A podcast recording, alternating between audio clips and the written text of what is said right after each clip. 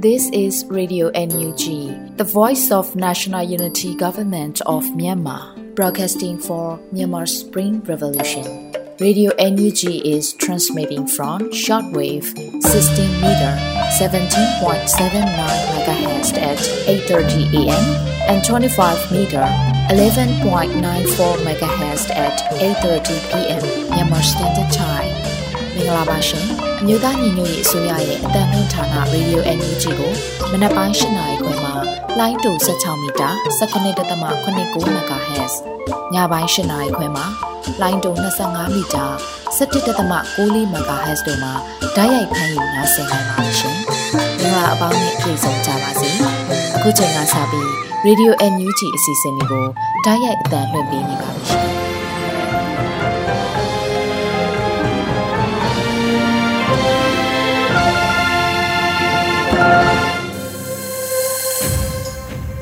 သူနိုင်ငံသားအပေါင်းတဘာဝပြီးဆရာနာရှင်ပြီးတို့ကနေကင်းဝေးပြီးကိုစိတ်နှစ်ပါးပေးကင်းလုံးကြုံကြပါစေလို့ရေဒီယိုအန်ယူချီခွဲသားများကဆုတောင်းမြတ်တာပို့သလိုက်ရပါတယ်ရှင်။အခုချိန်ကစပြီးပြည်တွင်းသတင်းများကိုမျိုးဦးမှမှဖတ်ကြားတင်ပြပေးပါရမရှင်။မင်္ဂလာညချမ်းပါရှင်။ပြည်တွင်းသတင်းများကိုတင်ဆက်ပေးသွားမှာပဲဖြစ်ပါတယ်။ဒီမှာကတော့ຫນွေဦးမှမှလူတော်လေးဟာတိုက်ပွဲဝင်ရမယ့်အရာဖြစ်ပြီးခွင့်အလန်းအတွက်လေကြုံလိုက်စရာနေရာမဟုတ်ဘူးလို့ လူခွင့်ရဝင်ကြီးပြောကြားလိုက်တဲ့အကြောင်းအရာကိုဦးစွာတင်ပြပေးကြပါမယ်။လူတော်လိုင်းဟာခွင့်ရေးအတွက်တိုက်ပွဲဝင်ရမယ့်အရာဖြစ်ပြီးတော့ခွင့်အလန်းအတွက်လေကြုံလိုက်စရာနေရာမဟုတ်ဘူးလို့လူခွင့်ရဝင်ကြီးဦးအောင်မျိုးမင်းကအောက်တိုဘာ18ရက်နေ့မှာလူမှုကွန်ရက်မှာတဆင့်ပြောကြားလိုက်ပါတယ်။တော်လေးဆိုတာအခွင့်အရေးအတွက်တိုက်ပွဲဝင်ရမယ့်အရာပါ။ခွင့်အလန်းအတွက်ရေးစုံမှလေကြုံလိုက်စရာနေရာမဟုတ်ပါဘူး။တော်လေးဆိုတာကိုကြတဲ့နေရာမှာတာဝန်ယူရတယ်လို့တာဝန်လေးကြည်ရမယ့်နေရာပါ ပွဲလန်ုံဖြာခင်းပြီးနေရာရှာဖို့မဟုတ်ပါဘူးကိုရိုင်းကတော့ကိုကိုကိုတွေးအေးသွားရင်ခွင့်မလို့ကြေးလို့ခံယူပြီးသားပါလို့ဆိုပါတယ်လက်ရှိမှာရီဒွန်လေးကိုပြည်သူအများစုဟာဝေတိုက်စားချုပ်များဝယ်ယူခြင်းနဲ့ EOD ရှယ်ယာများဝယ်ယူခြင်းတို့အပြင်ညာဒေတာကများဟာလက်ဝိယရနာများကိုပါချုပ်ပြီးတော်လရင်အတွက်ကူညီပေးအလျက်ရှိပါတယ်ရှင်ဂျမ်ဖတ်စစ်ကောင်စီရဲ့ဟန်ပြရွေးကောက်ပွဲမဖြစ်အောင်တော်လှန်ရေးအင်အားစုတွေပူးပေါင်းလှုပ်ဆောင်ဖို့လိုတယ်လို့ ကာကွယ်ရေးဒုဝန်ကြီးပြောဆိုလိုက်တဲ့သတင်းကိုလည်းတင်ပြပေးပါမယ်။ဂျမ်ဖတ်စစ်ကောင်စီရဲ့ဟန်ပြရွေးကောက်ပွဲမဖြစ်အောင်တော်လှန်ရေးအင်အားစုတွေပူးပေါင်းလှုပ်ဆောင်ဖို့လိုတယ်လို့အောက်တိုဘာ16ရက်မှာကျင်းပတဲ့ချောင်း PDF project တိုင်ကေထောက်ဖို့ကန်ဆန်းလက်မှတ်များစုမဲဖောက်ပွဲအခမ်းအနားမှာကာကွယ်ရေးဝန်ကြီးဌာနဒုတိယဝန်ကြီးနိုင်ကောင်းရွက်ကဆိုပါတယ်။ဂျမ်ဖတ်စစ်ကောင်စီကိုတိုက်ထုတ်ဖို့က2023ဟာအရေးကြီးတဲ့နှစ်ဖြစ်တဲ့သူတို့ဘက်ကလည်းတရားဝင်ဖြစ်ဖို့ဆိုရင်ဒီရွေးကောက်ပွဲကိုလုပ်မယ် ဒီရွေးကောက်ပွဲကိုဘယ်လိုမှခွင့်ပြုလို့မရဘူးသူတို့ရဲ့ဟန်ပြရွေးကောက်ပွဲတိုင်းပြည်ကြောက်ထဲထိုးဆင်းသွားအောင်လုပ်မဲ့ရွေးကောက်ပွဲကိုအရှိန်ဟုန်မပြတ်တိုက်ခိုက်သွားဖို့လိုတယ်ဒီရွေးကောက်ပွဲမဖြစ်ဖို့အားလုံးပူးပေါင်းလှုံ့ဆော်သွားဖို့လိုပါတယ်လို့ဆိုပါတယ်2023ခုနှစ်ဩဂုတ်လမှာစစ်ကောင်စီဟာရွေးကောက်ပွဲတစ်ခုကျင်းပကနိုင်ငံရေးထွက်ပေါက်ရှာဖွေဖို့လှုံ့ဆော်လျက်ရှိပါတယ်ရှင်စကိုင်းတိုင်းဒေသကြီးဝက်လက်မြို့နယ်မှာကျန်းဖက်စစ်တပ်ကရဟတ်ရင်နဲ့ လေကြောင်းမှပစ်ခတ်တာကြောင့်မြို့သမီးတဦး1 byte ထိမှန်သေဆုံးတဲ့သတင်းကိုတင်ပြပေးပါမယ်။အောက်တိုဘာ18ရက်မနက်ပိုင်း8နာရီမိနစ်30အချိန်မှာစစ်တပ်ကရဟတ်ရင်နဲ့ပစ်ခတ်ခဲ့တာလို့ Burmese Independent Army ကအတည်ပြုခဲ့ပါတယ်။စကိုင်းတိုင်းဒေသကြီးဝက်လက်မြို့နယ်ရဟတ်ရင်နဲ့လာပစ်ပါတယ်။ဝက်လက်မြို့နယ်ရင်းမတော်ကမိန်းကလေးတယောက်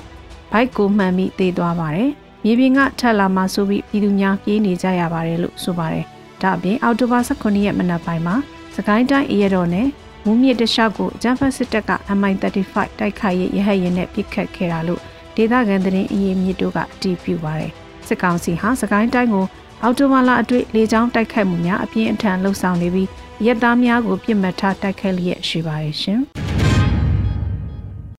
ညောင်မြို့နယ်မှာစစ်ကောင်စီတပ်များစစ်ကြောင်းထုံးမဲ့အခြေအနေများရှိတာကြောင့်ဒေသခံပြည်သူများသတိပြုရန်ညောင် MUA တက်ကသတိပေးတဲ့သတင်းကိုလည်းတင်ပြပေးပါမယ်။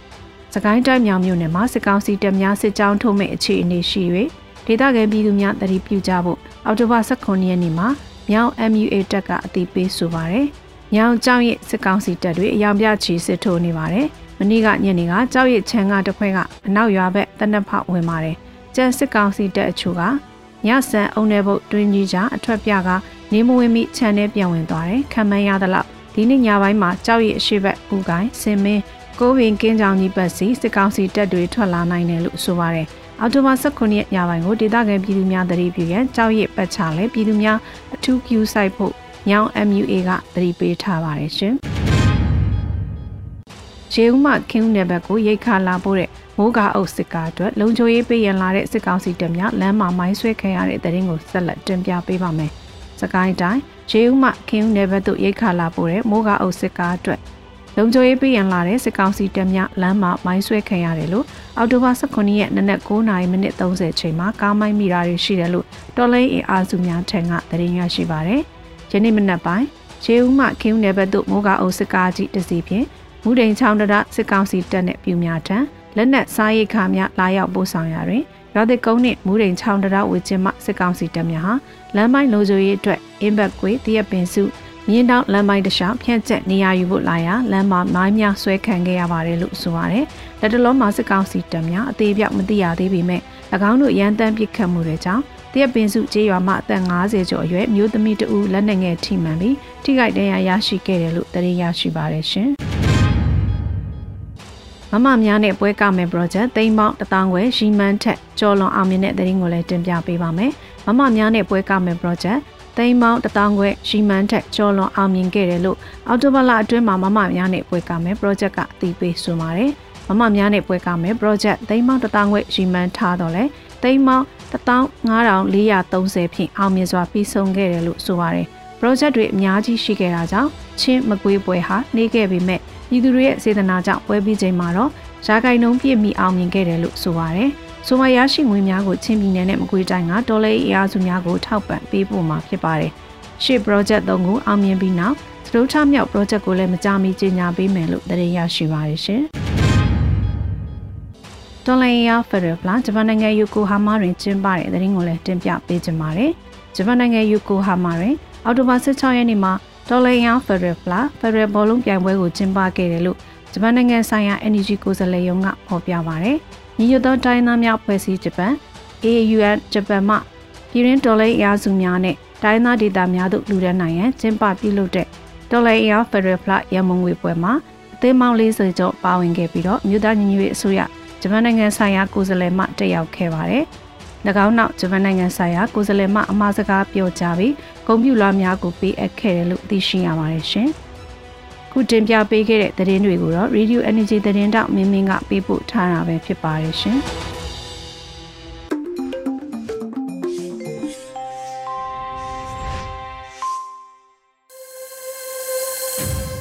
ရီရွယ်ညူးချီမှာဆက်လက်တမ်းလွှင့်ပြနေပါတယ်။ဒီနေ့ရဲ့တော်လှန်ရေးကြပြအစီအစဉ်မှာတော့နေချိုသွေးရေးသားပြီးနှွေဦးမိုးရွတ်ဖတ်ထားတဲ့တော်လှန်ရေးကြီးပြီးသွားတဲ့အခါလို့အမည်ရတဲ့တော်လှန်ရေးကြပြကိုနားဆင်ကြရတော့မှာဖြစ်ပါတယ်ရှင်။ တော်လှန်ရေးကြီးပြီးသွားတဲ့အခါတော်လှန်ရေးကြီးပြီးသွားတဲ့အခါနေအောင်ကြီးဖြန်းပစအာယုံဦးလမ်းလေးအတိုင်းလျှောက်သွားမယ်။တော်လှန်ရေးကြီးပြီးသွားတဲ့အခါချစ်သူခင်သူနဲ့မိသားစုထံအိမ်အရောက်ပြန်မယ်တော်လန်ရေးကြီးပြီးသွားတဲ့အခါနားခိုဖို့ရာလိုအပ်လာတဲ့ရဲဘော်ရဲဘက်တွေအတွက်အိမ်လေးတစ်လုံးစောက်ထားပြီး ခြံဝန်းတကားကို အမြဲဖွင့်ထားမယ်တော်လန်ရေးကြီးပြီးသွားတဲ့အခါမီးလောင်ပြင်ဖြစ်ခဲ့တဲ့မြေကိုမေတ္တာတရားတွေနဲ့ထုံရက်စိုက်ပြိုးလိုက်မယ်တော်လန်ရေးကြီးပြီးသွားတဲ့အခါလွမ်းသူပန်းခွေလေးတွေရဲ့ညှိုးယော်ကြေကွဲစုံနေမှုတွေကိုနှစ်သိပ်ဖဲကူလို့သက်ဆိုင်သူတို့သူရဲကောင်းအာဇာနည်ပီတစွာ ကြာဆုံးခဲ့ရပုံကို မော်ကွန်းတင်ရေးထိုးမယ်တော်လန်ရေးကြီးပြီးသွားတဲ့အခါအမောင်မိုက်ဆုံးအချိန်မှာအထုံးလေးဆုံးကျယ်တွေအတွက်နိုင်ငံတော်တချင်းနဲ့ထပ်တူဂုံပြုဥညွတ်မယ်တော်လန်ရေးကြီးပြီးသွားတဲ့အခါနိုင်ငံရေးတတော်မလုပ်ပဲဝါသနာပါရာအမှုပညာစာတွေကြပြတွေရေးမယ်တော်လန်ရေးကြီးပြီးသွားတဲ့အခါ နိုင်ငံတော်ကြီးကိုမျက်ခြေမပြတ်စောက်ကြည့်ရင်အရေးလဲရလှလဲလှတဲ့သေးပင်စားပင်တက်ပင်တွေစိုက်ပျိုးမယ်တော်လန်ရေးကြီးပြီးသွားတဲ့အခါအပြစ်မဲ့ပြည်သူထဲကမတော်တဆကိုကြောင့်နာကျင်ရသူရှိခဲ့ရင်ခွင့်လွတ်ဖို့ဝန်ချတောင်းပန်ပြီးဖြတ်တန်းနေရတဲ့ခေကြီးကိုနိုင်တလောက်ထမ်းဖို့မယ် တော်လန်ရေးကြီးပြီးသွားတဲ့အခါနောက်တစ်ခါအာနာရှင်ဆိုတဲ့စကားမကြားရအောင်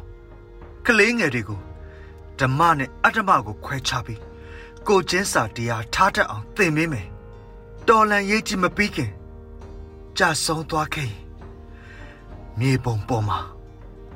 ခွင့်တူညီမြဝါဒဖြူစင်သူတွေရေးဆွဲထားတဲ့နိုင်ငံတော်အလံကိုလွှမ်းခြုံပေးဖို့ တောင်းဆိုလိုက်ပါတယ်။နေချိုသွေး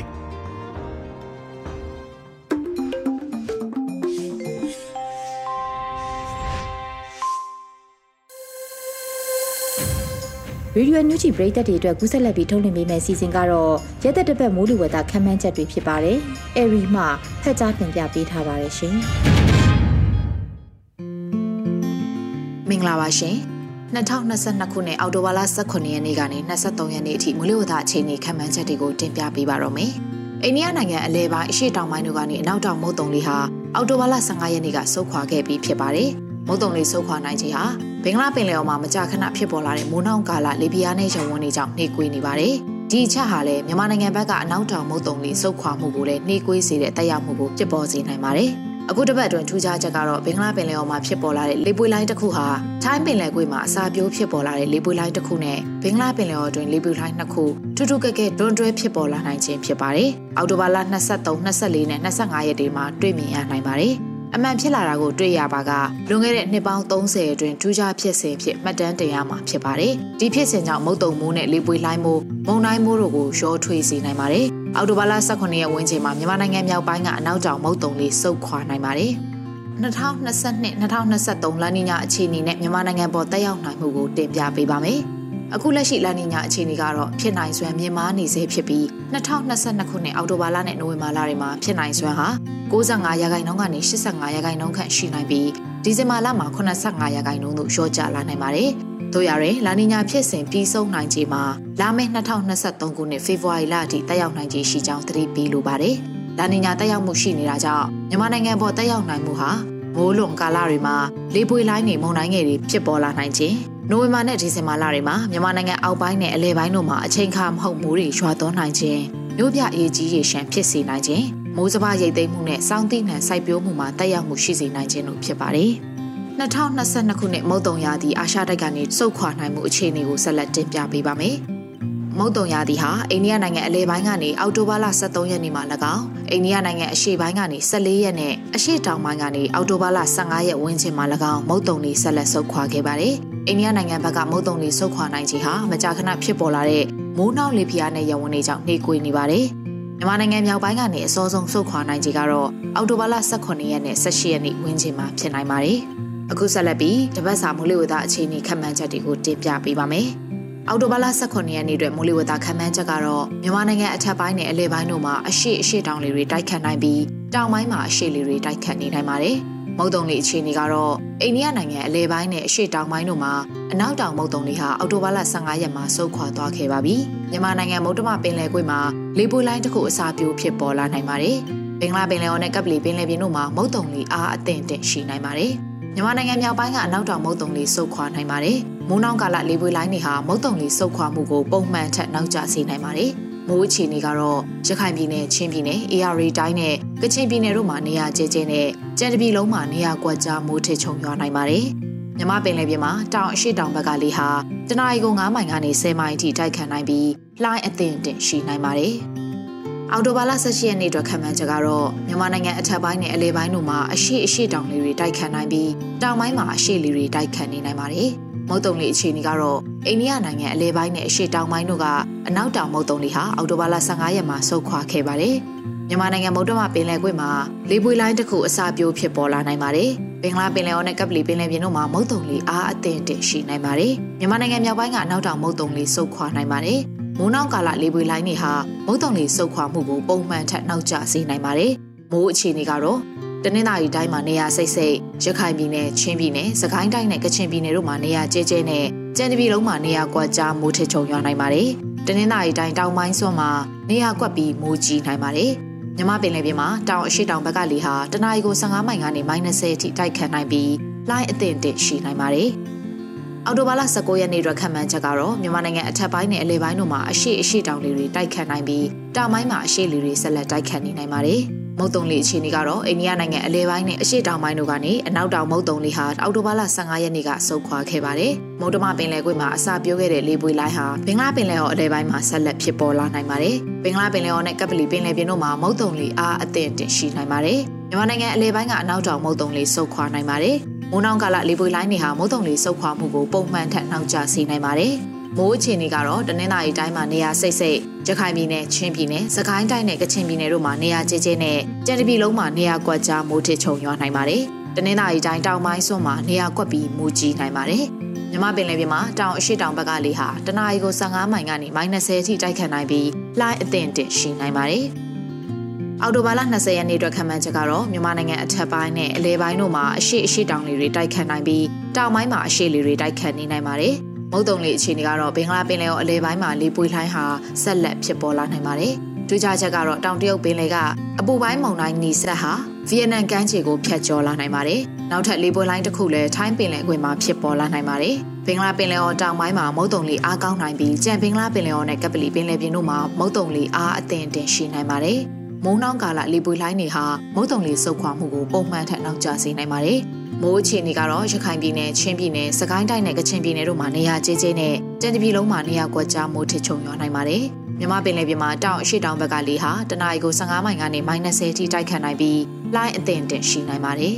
။အော်တိုဘာလ22ရက်နေ့အတွက်ခံမှန်းချက်ကတော့မြန်မာနိုင်ငံအထက်ပိုင်းနဲ့အလယ်ပိုင်းတို့မှာအရှိအရှိတောင်လေတွေဆက်လက်တိုက်ခိုက်နိုင်ပြီးတောင်ပိုင်းမှာလည်းအရှိလေတွေဆက်လက်တိုက်ခိုက်နေနိုင်ပါတယ်။ မုတ်တုံလေအခြေအနေကတော့ဘင်္ဂလားပင်လယ်ော်အလယ်ပိုင်းမှာလေပွေလိုင်းဟာဆက်လက်ဖြစ်ပေါ်လာနိုင်ပါတယ်။ထူးခြားချက်အနေနဲ့နောက်ထပ်လေပွေလှိုင်းတစ်ခုဟာလည်းထိုင်းပင်လယ်ကွေ့မှာဆက်လက်ဖြစ်ပေါ်နိုင်ပါတယ်။ဘင်္ဂလားပင်လယ်အော်တောင်ပိုင်းမှာမုတ်တုံလီအားကောင်းနိုင်ပြီးကြံဘင်္ဂလားပင်လယ်အော်နဲ့ကပလီပင်လယ်ပြင်တို့မှာမုတ်တုံလီအားအသင့်တင်ရှိနိုင်ပါတယ်။မိုးနှောင်းကာလလေပွေလှိုင်းတွေဟာမုတ်တုံလီဆုတ်ခွာမှုကိုပုံမှန်ထက်နောက်ကျစေနိုင်ပါတယ်။ မိုးအခြေအနေကတော့ရခိုင်ပြည်နယ်ချင်းပြည်နယ်စကိုင်းတိုင်းမန္တလေးတိုင်းနဲ့မကွေးတိုင်းတို့မှာနေရာကျကျနဲ့ကြံတပြည်လုံးမှာနေရာကွက်ကြားမိုးထချုံရွာနိုင်ပါတယ်။မြမပင်လယ်ပြင်မှာတောင်အရှိတောင်ဘက်ကလေဟာတနအီကို15မိုင်ကနေ -30 အထိတိုက်ခတ်နိုင်ပြီးလှိုင်းအသင့်တင်ရှိနိုင်ပါတယ်။အော်တိုဘာလ22ရက်နေ့အတွက်ခံမှန်းချက်ကတော့မြန်မာနိုင်ငံအထက်ပိုင်းနဲ့အလဲပိုင်းတို့မှာအရှိအရှိတောင်လေတွေတိုက်ခတ်နိုင်ပြီးတောင်ပိုင်းမှာအရှိလေတွေတိုက်ခတ်နေနိုင်ပါတယ်။မုတ်တုံလေအခြေအနေကတော့ဘင်္ဂလားပင်လယ်ော်အနောက်အလဲပိုင်းမှာလေပွေလိုင်းဟာဆက်လက်ဖြစ်ပေါ်နိုင်ပါတယ်။ ထူးခြားချက်ကတော့ထိုင်းပင်လယ်ကွေ့မှာဖြစ်ပေါ်လာခဲ့တဲ့လေပွေလိုင်းဟာတနင်္သာရီကမ်းရိုးတန်းကိုဖျက်ကျော်ပြီးမုတ်တမကွေ့အတွင်းဝင်ရောက်လာခဲ့ပြီးလေပွေလိုင်းနှလုံးအဖြစ်တွန်းတွဲဖြစ်ပေါ်လာနိုင်ပါတယ်။ဘင်္ဂလားပင်လယ်တောင်ပိုင်းမှာမုတ်တုံလီအားကောင်းနိုင်ပြီးကြံဘင်္ဂလားပင်လယ်ော်နဲ့ကပလီပင်လယ်ပြင်တို့မှာမုတ်တုံလီအားအသင့်တင်ရှိနိုင်ပါတယ်။မိုးနောက်ကာလလေပွေလိုင်းတွေဟာမုတ်တုံလီစုပ်ခွာမှုကိုပုံမှန်ထက်နောက်ကျစေနိုင်ပါတယ်။ မိုးအခြေအနေကတော့ရခိုင်ပြည်နယ်ချင်းပြည်နယ်စကိုင်းတိုင်းမန္တလေးတိုင်းမကွေးတိုင်းနဲ့တနင်္သာရီတိုင်းတို့မှာနေရာကျကျနဲ့ကြံတပြည်လုံးမှာနေရာကွက်ကြားမိုးထချုံရွာနိုင်ပါတယ်။မြမပင်လယ်ပြင်မှာတောင်အရှိတောင်ဘက်ကလေဟာတနအီကို15မိုင်ကနေ -30 အထိတိုက်ခတ်နိုင်ပြီးလှိုင်းအသင့်အတင့်ရှိနိုင်ပါတယ်။ အော်တိုဘာလ23ရက်နေ့အတွက်ခံမှန်းချက်ကတော့မြန်မာနိုင်ငံအထက်ပိုင်းနဲ့အလယ်ပိုင်းတို့မှာအရှိအရှိတောင်လေတွေဆက်လက်တိုက်ခတ်နိုင်ပြီးတောင်ပိုင်းမှာအရှိလေတွေဆက်လက်တိုက်ခတ်နေနိုင်ပါတယ်။မုတ်တုံလေအခြေအနေကတော့ဘင်္ဂလားပင်လယ်ော်အနောက်အလယ်ပိုင်းမှာဖြစ်ပေါ်နေတဲ့လေပွေလိုင်းဟာမုတ်တမပင်လယ်ကွေ့ပေါ်ကနေလေပွေလိုင်းနဲ့ထွန်တွဲလျက်ထူးကဲစွာဖြစ်ပေါ်လာနိုင်ပါတယ်။ဘင်္ဂလားပင်လယ်အတွင်းလေပွေလိုင်းနှလုံးတစ်ပြိုင်နက်ဖြစ်ပေါ်ဖို့အလွန်ဖြစ်ခဲ့ပါတယ်။ဘင်္ဂလားပင်လယ်ော်တောင်ပိုင်းနဲ့ကပ်ပလီပင်လယ်ပြင်တို့မှာမုတ်တုံလီအားကောင်းနိုင်ပြီးကြံဘင်္ဂလားပင်လယ်ော်မှာမုတ်တုံလီအားအသင့်တင်ရှိနိုင်ပါတယ်။ မိုးနှောင်းကာလလေပွေလိုင်းတွေဟာမုတ်တုံလေဆုတ်ခွာမှုကိုပုံမှန်ထက်နောက်ကျစေနိုင်ပါတယ်။မိုးအခြေအနေကတော့ရခိုင်ပြည်နယ်ချင်းပြည်နယ်စကိုင်းတိုင်းမန္တလေးတိုင်းမကွေးတိုင်းအေရရီတိုင်းနဲ့တနင်္သာရီတိုင်းတို့မှာနေရာကျကျနဲ့ကြံတပြည်လုံးမှာနေရာကွက်ကြားမိုးထချုံရွာနိုင်ပါတယ်။မြမပင်လယ်ပြင်မှာတောင်အရှိတောင်ဘက်ကလေဟာတနအီကို15မိုင်ကနေ -30 အထိတိုက်ခတ်နိုင်ပြီးတိုင်းအသင့်တင်ရှိနိုင်မှာကြောင်းလူသားချင်းစာနာထောက်ထားရေးနဲ့ဘေးရန်ရဲ့ဆိုင်ရာစီမံခန့်ခွဲရေးဝန်ကြီးဌာနကကျက်တဲ့ပတ်မိုးလေဝသအခြေအနေခန့်မှန်းချက်တွေကိုထုတ်ပြန်ထားပါတယ်ရှင်။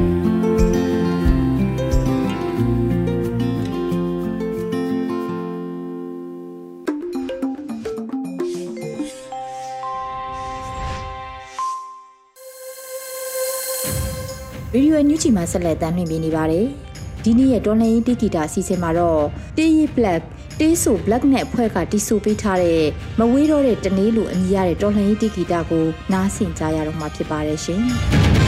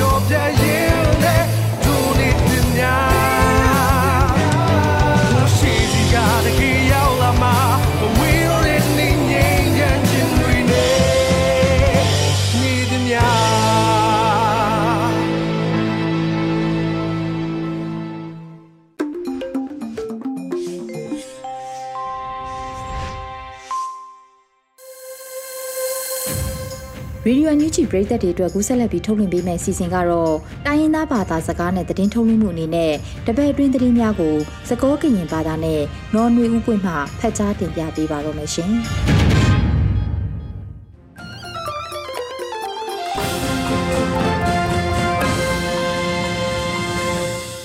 Halo uri ko ate pasari sawa batu to kwe mu batu lo anyu chi kwe le lo attractor kle deplo nya ini lo ake i do dnu nya to pu da ka so ta pha ni ye ka pa phla ni tu ni lo ye yi mi me non nui u pwe ni lo ta ka so kho ti ti mi we da ba thwe ko to we klo ta pha ni le lo ko ta lo ta pha ta te phe ate ka ma pwe ni we a go ko se po ko to klo te we ta ge ni lo ဖဲလောက်ထုပတစီတတော်နီတာဘဆကမ္လတာပရှတာခုဒမဖလာထောတာကမီတီတာဖိုးပူကိုတုကလမဲဝိခိုင်တန်တဝဲတာဒီနီလော လောလောကောတကောတခဲတဖာတာရှဲလက်ဖိမအောင်အဖို့ကိုတတိဖဲအသေးကမဝဲအကြီးတာလဲလိုတဖာကမပွဲနေဝဲအကြီးနီကိုတုကလတဲဝဲတာနီလောလောတာဖိုးပူတာဘဆကမ္လတာပရှတာခုဒမဖလာထောကမီတီမူပွားပပလစင်နောကောစပုကိုတိုမဝိခိုင်တပပလစင်နောခေကတကကောစပုကိုတိုဦးလွင်ကိုလက်တော့ကောစပုကိုတိုပပမော်တာတဖာဟေထောဝဲတာအရင်းနိပတိုနီဘာတက်ဆောနီလော တကဆောခီယူတီမီဝဲတာပယောတုမဆုမဆုရတဖာလောကမလတဖာဖောခိုမအမတော်ဝဲဤတာတော်တော်အောအောလောအဆုကလေတာတရဆတနုတဖာဆတ်ထတူဝဲအေကောဆပုကိုတိုဒေါက်တာဝင်းမြအေတဲဝဲတာရင်းနီလောဖဲလောက်ထုပတစီတတော်နီဒေါကလူတောက်တော့ဖို့ပဒို နိဆာအန်ဒရဘတ်ထွဲတာပတ်ရှတုကလေကိုတိုဝဲကလိုတခိုရိုမဲမာဝဲတာမစထရလောနိဆာအန်ဒရမူနီတာပနောတာကတိုတာပူကောဆပုကိုတိုဒေါက်တာဝင်းမြအေတဲဝဲတာဒီနီလောပယောတုအသောတဖူဤအတမအမတော်ဤပဝဲကမ္လတဖပတူပါဒဒမမူရီတေလီပမေတင်ညာဆိုအောနိပဒဒဒဆိုအောသေးဝဲတော့တဘာဒိုဘာတိကရှာဝဲတာနီလော အခုဘာခါတော့တာဟေတာတင်ညာတဖတာကျော်လို့တော့တာဒဒဆိုတာကတဲ့ကတော့ဆိုတဖပဝဲတခောပမာဝဲလီအရီတဲဝဲတာနီလောဖဲလာစက်တမ်ဘာတစီခုတော့နီဒီပဲရင်လက်ရကုန်းတာမလို့ကျပယောတုတဖာဟက်ဒူတာလို့ကလီကလေတခေါ်တော့ဖို့တာတီဝဲခုကတော့ဝါလောကောတီဝဲနွေကအခေပတိုနေပါတာကစောနေလောတာကစောဆုမညာတီမီဝဲတာ ပွာမအမတော်တာပယောတုအတော်တဖူဤလတလကိုပူတဲ့တခေအောတာစီညောကတိအောဟခုဒတ်ဖလဘထွဲတာစီညောအခွဲဤတကတူဝဲအောလိုဝဲအေမောတော်တို့ဥချမိုထိုတဲဝဲတာရင်းနီလောဖဲလောက်ထုဘတစီခိတော်နီနွီစီနွီဝတော်ဘမှုစပုံကော့ပရက်ခူဝတော်ကမီတီတာဖို့ပူမောတော်တို့ဥချမိုထိုတဲဖလာဝဲတာနီလော ပယောတုအတော်တဖူဤအတမအမတော်တမဆုမဆုတဖာဤလဲတလကိုပူတဲ့တာကဟီအောတာစီညောကတိဝဟခုဒတ်ဖလဘထွဲတာစီညောခွဲရဤတာကတူဝဲအောလိုဝဲရေဒေါကမနတဖာအတာဒေါတဒလိုဝဲရေတဲဝဲတာနီလောကော်ပီယတိကောပကညောခွဲရတာဥတာဘထွဲဘောမှုစဖိုလီပါဖလာလောဆောပွာရှထောတာတော့ IMM တဖာတော့ပယောတုအတော်တဖူဤအတမအမတော်ဤထနုပါဝဲအေပါဖလာဝဲတော့ပတိုနေပါတာစောနေလော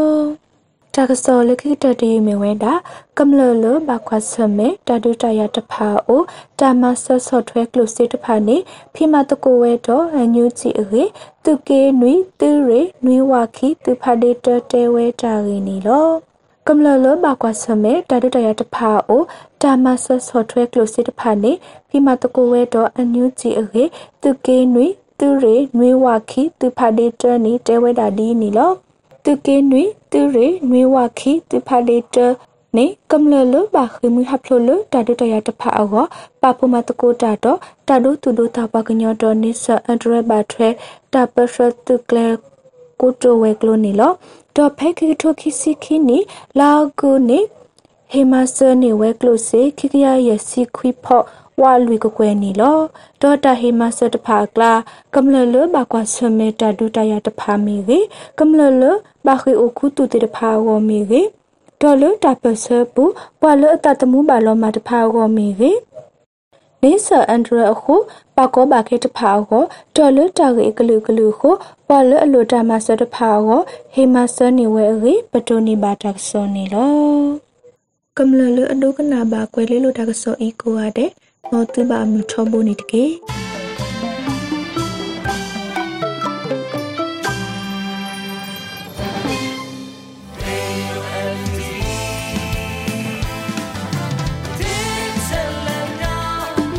ဒီကနေ့ကတော့ဒီညနဲ့ပဲ Radio NUG ရဲ့အစီအစဉ်လေးကိုခਿੱတရနာလိုက်ပါမယ်ရှင်။မြမစံတော်ချိန်မနက်၈နာရီခွဲနဲ့ည၈နာရီခွဲအချိန်မှာပြန်လည်ဆုံတွေ့ကြပါစို့။ Radio NUG ကိုမနက်ပိုင်း၈နာရီခွဲမှာတိုင်းတူ16မီတာ19.8 MHz ညပိုင်း၈နာရီခွဲမှာလိုင်းတူ25မီတာ17.6 MHz တို့မှာဓာတ်ရိုက်ဖမ်းလို့နိုင်စေနိုင်ပါပြီ။ မြန်မာနိုင်ငံသူနိုင်ငံသားတွေကိုစိတ်နှပြကျန်းမာချမ်းသာလို့ဘေးကင်းလုံခြုံကြပါစေလို့ Radio NUG အဖွဲ့သူဖေသားတွေကဆုတောင်းမြတ်တာပို့တာနေပါတယ်ရှင်။မြေသားညီမတွေအစိုးရရဲ့စက်တော်ရင်သတင်းအချက်အလက်တွေလုပ်ပညာဝန်ကြီးဌာနကထုတ်လွှင့်နေတဲ့ Radio NUG ဖြစ်ပါတယ်။ San Francisco Bay Area အခြေစိုက်မြန်မာမိသားစုတွေနဲ့နိုင်ငံတကာကစေတနာရှင်တို့အားပေးနေတဲ့ Radio NUG ဖြစ်ပါတယ်။အရေးတော်ပုံအောင်ရမည်